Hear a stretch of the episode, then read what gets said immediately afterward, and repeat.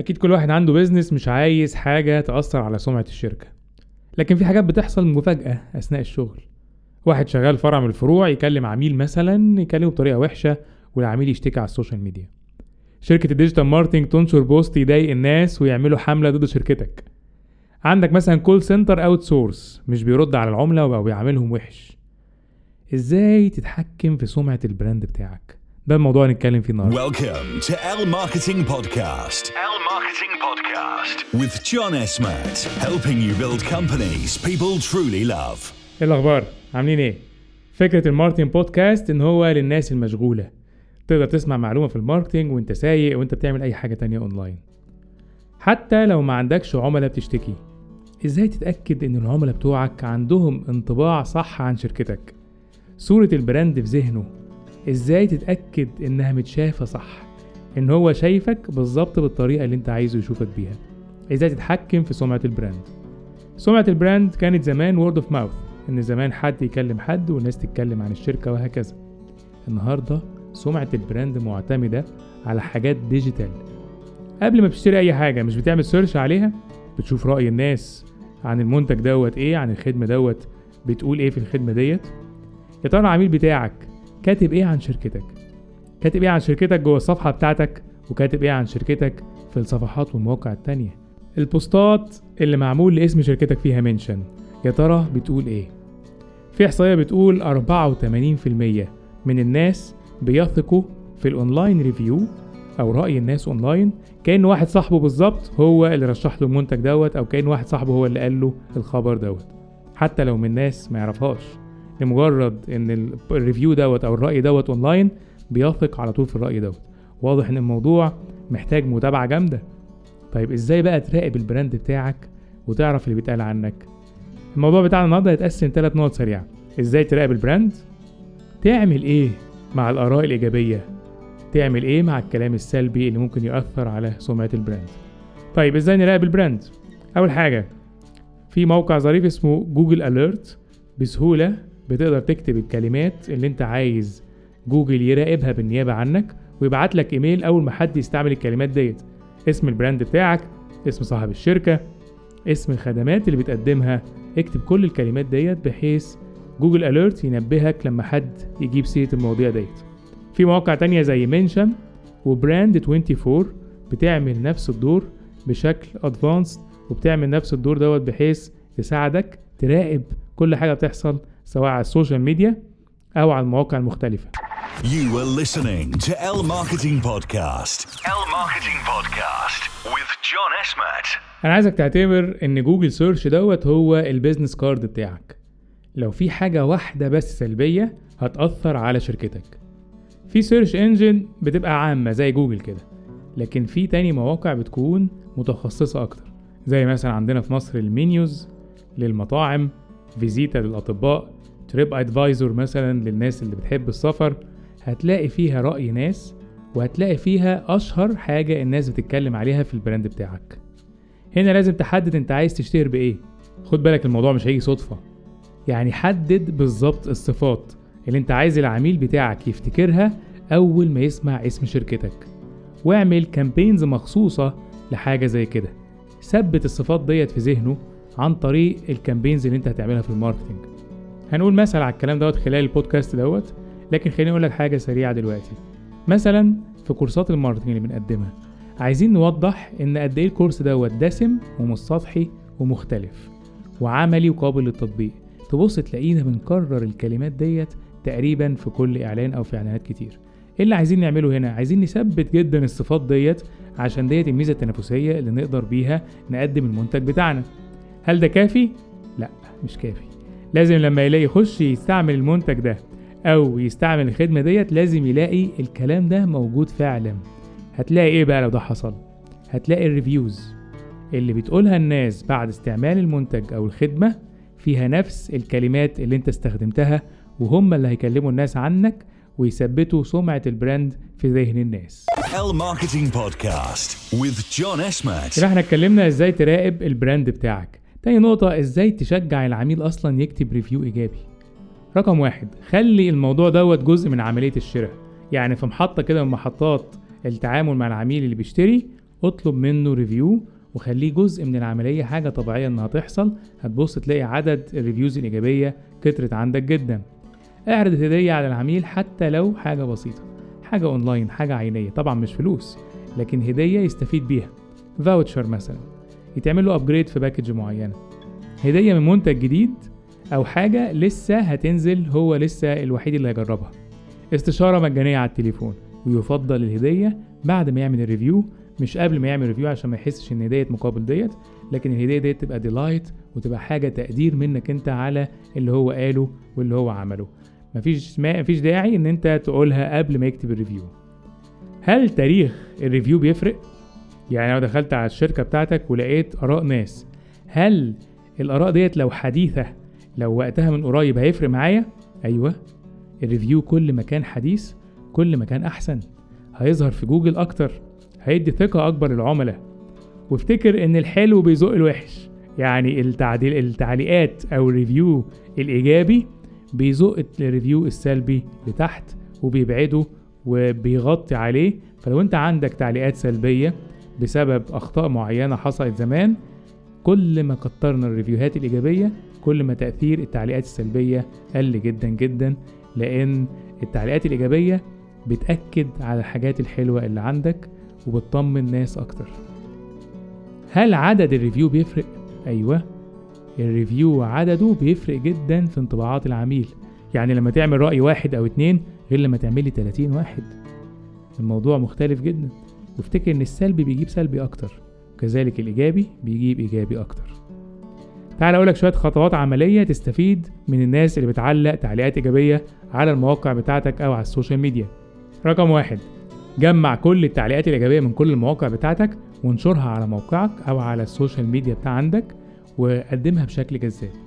رقم اتنين حول شكلها من screenshot لتصميم جميل أو فيديو. رقم ثلاثة حط معاها link للمنتج بتاعك. اللي هو الناس بتشكر فيه حط بقى link الناس تشوف المنتج نفسه. أو call to action تطلب منهم طلب إن هم يبعتوا لك سؤالهم أو حاجة زي كده أو offer معين أنت حاطه. رقم أربعة الناس اللي علقت اطلب منها تعليق أكبر. يعني النهارده واحد علق وشكر في الحاجة اللي أنت عملتها. مفيش مانع تبعت له تقول له إحنا حابين نصور فيديو معاك لأن القصة اللي أنت حكيتها كانت ملهمة للفريق كله. والحقيقة إحنا شايفين لو طلعت في فيديو هيبقى شكلها أحسن وهتتكلم عن شركتك وفي نفس الوقت هتتكلم عن المنتج. من كتر ما هو استفاد من المنتج بتاعك هيكون فعلا نفسه يعمل كده مجانا هيكون فعلا نفسه يعمل كده لأنك فدته فعلا وفرقت معاه في شغله. فتقدر تطلب منه فيديو أو case study أو قصة نجاح هتفرق معاه وتفرق معاك جدا جدا. آخر نقطة ممكن يبقى ليك هاشتاج خاص لآراء الناس في ال brand بتاعك. فبس لما تحب تقول للناس شوفوا رأي الناس في ال brand إيه تديهم بس الهاشتاج. يدوس عليه يلاقي كل آراء العملاء القديمة من من تاريخ قديم لحد تاريخ حديث. فبيبقى بالنسبة لك كنز مجمع فيه رأي الناس فالعدد يكون كبير. وكل ما كان ال comment حديث كل ما كان تأثيره أكبر وأكبر على العميل بتاعك. ال Marketing Podcast with John Esmat. يبقى إحنا قلنا الموضوع دوت بيتقسم تلات أجزاء. إيه هي سمعة ال brand وإزاي تراقبها؟ تعمل إيه مع الآراء الإيجابية؟ ودي قلناها بالتفصيل. تعمل إيه بقى مع الكلام السلبي اللي ممكن يأثر على سمعة البراند؟ التعليقات السلبية أنواع.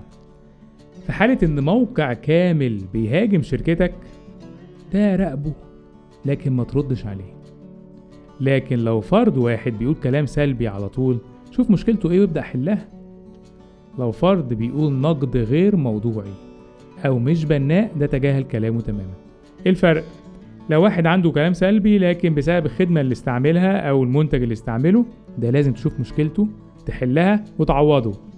تحوله يبقى هدفك كده تحوله لعميل مبسوط يرجع يشكر تاني في البراند بتاعك أو المنتج بتاعك. لكن لما بيقول حد تاني بيقول كلام غير موضوعي. ما استعملش المنتج أصلا. بيعلق على حاجات ملهاش دعوة بالخدمة اللي أنت بتقدمها أو المنتج. تجاهل كلامه لأن لو أنت غذيته بالردود هتبص تلاقي الكلام بتاعه بقى ليه أهمية أكبر وانتشر أكتر. لازم تعمل خطة داخلية كده للرد على الهجوم. يعني أنت والفريق بتاعك تقعدوا تفكروا كده وتشوفوا إزاي لما حد ينتقد أو brand attack أو شركة تانية بتهاجمك تقعد تعمل كده خطة وسيناريو إزاي هترد على الهجوم دوت؟ رقم واحد.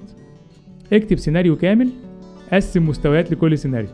يعني قول مثلا في حالة إن إحنا حصل هجوم بالشكل الفلاني على البراند هنعمل واحد واثنين وتلاتة ومستوى واحد كذا مستوى اتنين كذا مستوى تلاتة كذا. ابدأ فكر هل ده حصل قبل كده؟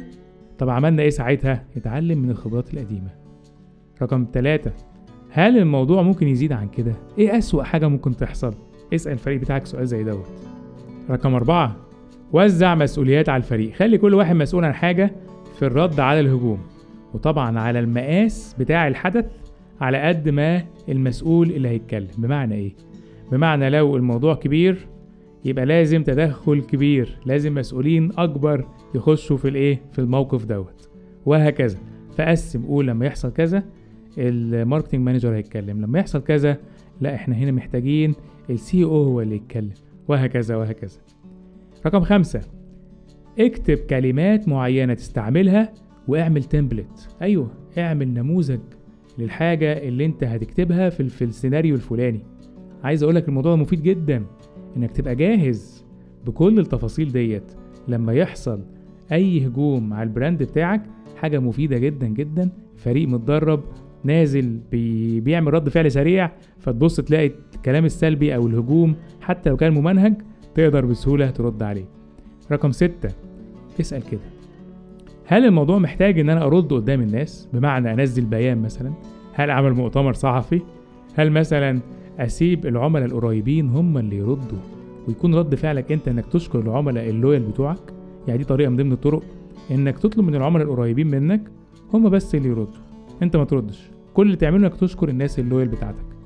رقم سبعة وآخر نقطة أول ما الموضوع يخلص اكتب ملخص للي حصل وطور الخطة تاني لو عملت السبع نقط دول هتبقى جاهز لأي attack أو brand attack أو هجوم على ال brand بتاعك يحصل في أي وقت You were listening to El Marketing Podcast.